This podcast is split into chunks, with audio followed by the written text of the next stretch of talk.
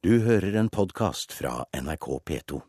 Dagens fredagspanel har vaglet sine raske og vellykkede kropper her i studio K51 på Marienlyst, og nå skal de øse sjenerøst av sin klokskap og dype innsikt om viktige spørsmål fra ukens kulturnyheter. Fra venstre mot høyre, eller omvendt, manusforfatter Aksel Helstenius, forfatter Vetle Lid Larsen og redaktør i forskning.no, Nina Kristiansen. Velkommen. Takk for det. Takk. Vi bare kjører i gang? De store plateselskapene lanserer bare én norsk platedebutant i høst, kunne vi høre i denne ukens Kulturnytt. Mens de uavhengige plateselskapene ber sine konkurrenter, større konkurrenter å dyrke talentene sine selv og ikke stjele deres. Og vi spør da, eh, uten bram, uten nyrekruttering, er norsk platebransje i praksis død? Jeg syns Nina skal starte siden Nei, nei, nei, nei, jeg Det er jeg må starte. Ja eller nei? Du, ja eller nei? Eh, Den død. Ja. Ja. Nei. Nei. Vi venter, vi vet at det er én i studio her som har forskningsresultater, men vi begynner med Aksel Helstenius. Okay, da. Nei, altså jeg tenker at dø død eller ikke død, platebransje eller ikke platebransje, det som i hvert fall ganske unge artister har en stort fordel, en, en fort- fortrinn i Norge, det er at pressen er interessert i dem. Så om de kommer, inn på, kommer ut på et stort eller lite plateselskap, tror jeg betyr svært lite. Eh, Så lenge det fins masse mono- eh, musikkjournalister som er interessert i å skrive om dem og ta tak i de nye og sånt nå. Og vi har jo alle de nye mediene som har kommet nå. Om du lanserer musikken din på nettet eller hva du nå gjør, så, så får du oppmerksomhet fremdeles. Så akkurat når det gjelder populærmusikk, så er ikke jeg så fryktelig eh, bekymret. Og hvordan det går utover platesalget, det blir jo spennende å se fremover. Vetle Lid Larsen. Nei, altså Jeg er jo ikke bekymret. fordi at jeg mener, jeg tror ting overlever som skal overleve. Så om plateselskapene gjør litt ja. Jeg er litt der. Eh, Det betyr ikke det at jeg ikke ser en, en, en, en sånn klassisk konflikt her igjen mellom kommers og, og kvalitet, kan du si. Og jeg tviler ikke på at de svære haukene i, i dette gamet som jeg ikke kjenner, tar null hensyn til en rekruttering, og at det er, at det er riktig. Det, det tror jeg absolutt. Samtidig så finnes det masse glimrende mindre produsenter, og, og, og de må jo bare stå på og, og rett og slett markere seg for sine kvaliteter. Sånn må også små forlag gjør i forhold til de store. Og at de store spiser de små, det, det øh, skjer jo alltid, men det betyr ikke at de små ikke øh, også har en kvalitet og en styrke. Så, så, men at dette skulle få noen katastrofal øh, påvirkning på norsk populærmusikktradisjon, det tror jeg ikke. Eller produksjon, da. Så, så det provoserer deg ikke engang lite grann at det bare én norsk artist som lanseres denne høsten? Jo, jo, altså på, ja, på de store. Ja, men på de små er det jo mange. Eller på de mellomstore er det vel mange.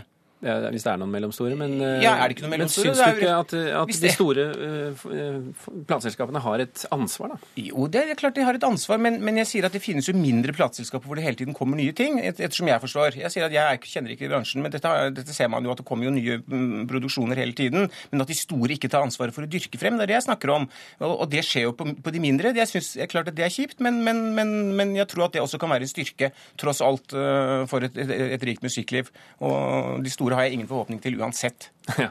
Nina Kristiansen, hva sier forskningen? ja, jeg har da gått til den siste innafor platebransjeforskningen. Ja, den har du Eh, tilgang på, En helt ny studie som eh, er gjort av en som heter Spilker på NTNU. og det han, han ser du da fra musikernes side, fra artistenes side.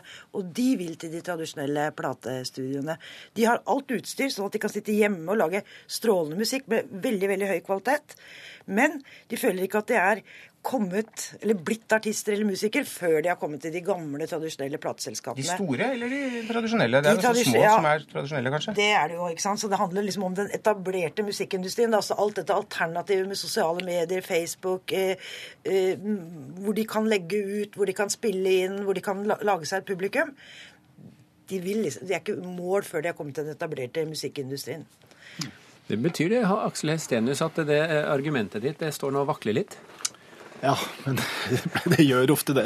Hvilket argument vakler? Jeg synes enten, altså Var det et spesielt argument som vaklet? Ja, nei, men altså, jeg, ja, jeg er faktisk litt spent jeg, altså, på hvor viktig det er å ha en sånn stor, tung eh, organisasjon som et stort plateselskap bak seg. Og det de i hvert fall er, er kan si, og det som Vetle sier, det er jo, de er jo store konserner som er opptatt av å selge.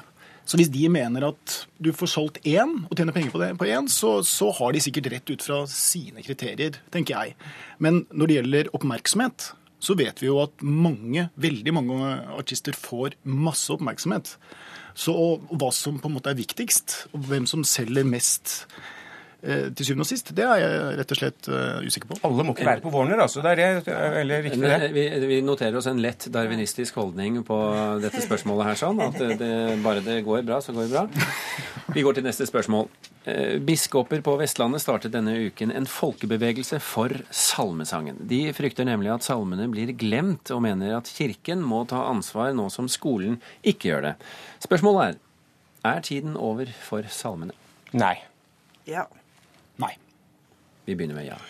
Da blir jeg litt sånn darwinistisk. Altså, du kan ikke, de skal starte en folkebevegelse, men du kan ikke ville en folkebevegelse. Den, det, det, hvis det er mange nok som vil synge salmer, ja, så overlever dem. Men sånn ser det jo ikke ut. Og salmenes popularitet går jo nedover. Det er jo først når en sånn enkeltartist som Ole Paus eller gjør noen moderne versjoner, de virkelig brer seg. Så jeg tenker at eh, nei, salmer er sanger som hyller Gud. Norge er i ferd med å bli eller vi har lenge blitt mindre og mindre religiøse, og da mister vi salmene sin betydning. Her skulle du altså ikke være Jeg, jeg syns dette er et litt, eh, litt, litt skremmende syn på hva salmer er for noe. For salmer er jo mye mer enn det. Salmer er jo en, det er en rik eh, tekst- og sangskatt gjennom tusener av år. Det er jo gamle folkemelodier. Det er skrevet, nye tekster til opp igjennom. Eh, mange av disse såkalte eh, kristne salmene er jo felleseie, ikke sant? Å leve der og elska. Eh, Vi vandrer med freidig mot, hadde jeg nær sagt. Alle julesangene vi synger, enten vi nå er kristne eller ikke. Og dette er jo alle masse store komponister. Bach, eh, Buxtehude, alle har jo skrevet, tatt del av denne, denne skatten. Og den er fortsatt tilgjengelig. Og om det er mange som bruker den eller ikke, det er kanskje ikke så veldig viktig, annet enn å fastslå at den er helt sentral.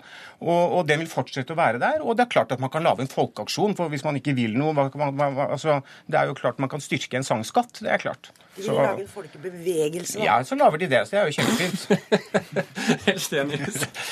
Nei, jeg, jeg er helt enig med, med Vetle. Altså, en ting, altså, Bach skrev dette for ganske mange år siden, og det synges fremdeles.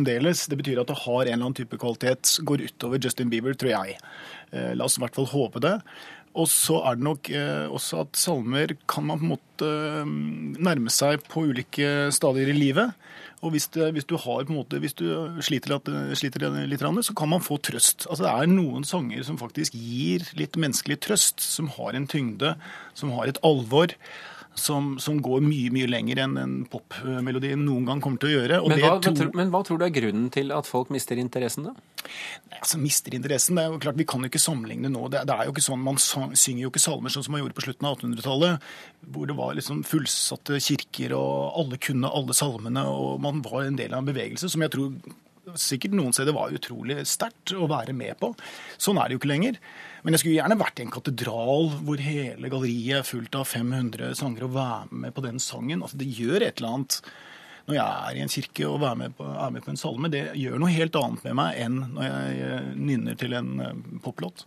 Har du nå endret syn på dette Kristiansen, i løpet av de siste to minuttene? Altså, jeg er jo helt enig i at det er en del av kulturhistoria vår, og sånn sett må tas vare på. Jeg vil jo ikke bruke slettetasten på noen måte. De skal jo tas vare på.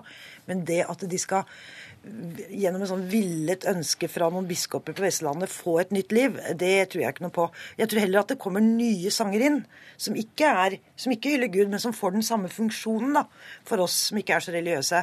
Sånn som Øpna landskap, som ofte spilles i, i begravelser. Money Money, for eksempel, den er jo en fin uh, salme. Passer jo godt for vår tid, syns jeg. Jeg vil takke, livet, ja. ja. Eller til ungdommen. Det har jo blitt en ny Og det er ikke en salme, for den hyller ikke Gud, men den har jo fått den samme funksjonen som det salmer hadde før, da. Det kan også ha noe med at kirkene har litt liten selvtillit på sin egen arv, og at de henger opp en TV-skjerm, som jeg leste nå under ski-VM, med, med, med ski-VM-overføring på søndagene, istedenfor å synge en, en skikkelig eh, gammel og, og herlig salme. Sånn at det kunne hende at de eh, kirkene selv kan påta seg et større ansvar ved rett og slett å iføre seg litt kledelig mer selvtillit på den fantastiske arven de har. Det er også en mulighet. Vi eh, sender den eh, oppfordringen videre til eh, Den norske kirke, og så får vi ønske dem lykke til med uansett hva de gjør for å få salmesangen opp. Vi går til neste spørsmål. I en årrekke har Ibsen-museet i Oslo holdt til i bygården, der dikterens gamle leilighet ligger, like ved Slottet. Men nå risikerer museet å bli kastet ut, nå som bygården legges ut for salg. Spørsmålet er er det så nøye? Ja. Ja. Ja, det er nøye. Ok. Vi begynner med deg, Kristiansen. Hvorfor er det så nøye? Kunne ikke den, eh, det museet ligge like godt et annet sted? jeg tror at det kommer til å overleve uansett. Om den bygården blir solgt og, og museet blir kasta ut, så kommer det museet til å overleve. Men det er jo så kult da, å kunne gå inn i den faktiske leiligheten der Ibsen satt og skrev. Eh, så det syns jeg vi må ta vare på. Eh, du får en helt annen følelse av det. Så mitt sånn råd til myndighetene er løp og kjøp. Ja, altså Jeg kan godt støtte det, absolutt. Og jeg er også veldig tilhenger av å oppsøke stedene til altså disse kjente forfatterne. Vi snakker om de liksom i elitedivisjon, de som har overlevet tiår på tiår, ofte flere hundre år, og som på en måte har sprengt seg ut av sin egen tid. Og når du kommer inn der hvor de levde og bodde, så blir du liksom minnet på at de var faktisk Ibsen slo lens, han òg, liksom. Han var også en del av sin tid, faktisk, selv om han har vært med på å forme et århundre etterpå. Og, og det er en utrolig sterk kontrast mellom la oss si, det evige diktverket og den konkrete virkeligheten man møter i diktehjemmene. Rungstedlund og, og mm, Aulestad og Bjerkebekk. Og det er klart at dette burde vært et nasjonalt anliggende å ta vare på dette. Og det er klart jeg er helt enig med deg at her er, burde staten se sin besøkelsestid, kjøpe dette. Det kommer tusener på tusener av utlendinger og vil se eh, Ibsen og hva, hvor Ibsen bodde. Og de eneste som ikke er interessert i dette, er jo stort sett nordmenn. 85 millioner kosta den bygården. Det er ikke mye. Nei. Det er hele bygården. da. Det trenger jo ikke alle de andre leilighetene også. Nei, det Det er er det sant. kan, kantina på en oljeplattform koster 85 millioner, liksom. Ja, ikke sant. Nei, altså Det bare undrer meg hvis dette er et problem. Altså Hvis, det er, hvis myndighetene får et problem med å bare liksom skjære igjennom og si sånn er det, hvem som helst må kjøpe denne gården, men den, det museet er der, den leiligheten blir stående sånn. Jeg bor i en, selv i et hus som står på Byantikvarens gule liste. Jeg får jo ikke lov å bytte takvinduer engang. ikke sant? Så jeg mener, hvis ikke, hvis ikke myndighetene klarer å ordne opp i dette her, da, da har vi ikke noe bruk for de myndighetene. Men, men dette her er jo et, et eh, museum som eh, De har nok kanskje hatt litt publikum eh, opp igjennom, men det er en tydelig synkende eh, deltakelse og besøksiver. Kan ikke dette museet bare få lov til å dø litt sakte nå? Nei, Jeg syns jo ikke det, men eh, jeg syns jo også at de kan gjøre noe mer for å, for å tiltrekke seg folk. Altså tiltrekke seg ikke minst nordmenn. For å gjøre Ibsen mer eh, interessant. Og det er klart at det er kanskje ikke superinteressant i lengden å bare se gamle leilighetene hans. At du må gjøre noe mer. Og det er, men det er ganske mange norske museer som, som trenger en ansiktsløftning. Altså. Samtidig er det et memorial, rett og slett. Altså, vi må huske på at det var Knut Wigert som reddet denne leiligheten. Og det var ingen interesse hos myndigheter, som vi alltid ser når det er viktige ting. Når det virkelig handler om noe. Vi ser hvordan det behandler Munch-museet. og vi, Det var null interesse. Og det var en privatperson, Knut Wigert, som, som leide leiligheten for egne penger, samlet sammen disse tingene og fikk dette på bena. Og det er jo bare pinlig. For at i mange områder så er vi et kulturløst samfunn, og dette er jo beviset på det. Og at besøkstallene er så sviktende, kan ha med å gjøre at det ikke er midler til å, å, å såkalt markedsføre dette, eller å trekke dette inn under en litt større museal paraply, f.eks. Så det tror jeg ikke noe på, for jeg ser det, altså. Vi får starte en folkebevegelse, da. Ja. For Ibsen-museet. For salmer og Ibsen. Ja. For Men liksom, for nå får vi jo litt problemer med vår egen, eh, egen argumentasjon her. Da. Vi har, du hevda den sterkeste overlevelse på musikktalenter. Jeg gjorde det på salmer. Så vi får jo et lite problem her da med museet som Ja, ikke blir besøkt. man skal ikke rote seg bort i darwinismen. vet du, Det er så vanskelig. men det er klart at man får legge på 85 millioner for bygården, og så får man legge på en 10 millioner til markedsføring, da. Statsbygg de har jo organisasjonen allerede. Eh, professor Jon Nygaard eh, ved Senter for Ibsen-studier foreslo her å flytte hele museet opp til eh, toppen av Nydalen, der Jon Gabriel Borkmann sto og så utover Nydalen og så det, det store eh, teknologiske skiftet i nasjonen. Er det en idé? Kan vi ikke like gjerne flytte det til Moss, da, hvor Ibsen var innom eh, på vei til København i 1862? Det hadde vært enda bedre. Ja, jeg stemmer for Moss. Eller på toppen av det nye Munch-museet. På toppen av Holmenkollen. Som eh, sagt, vi har jo eh, hatt litt for lite av disse, disse eh, kranglene om hvor ting skal ligge i byen, så vi får prøve oss på en eh, ny en.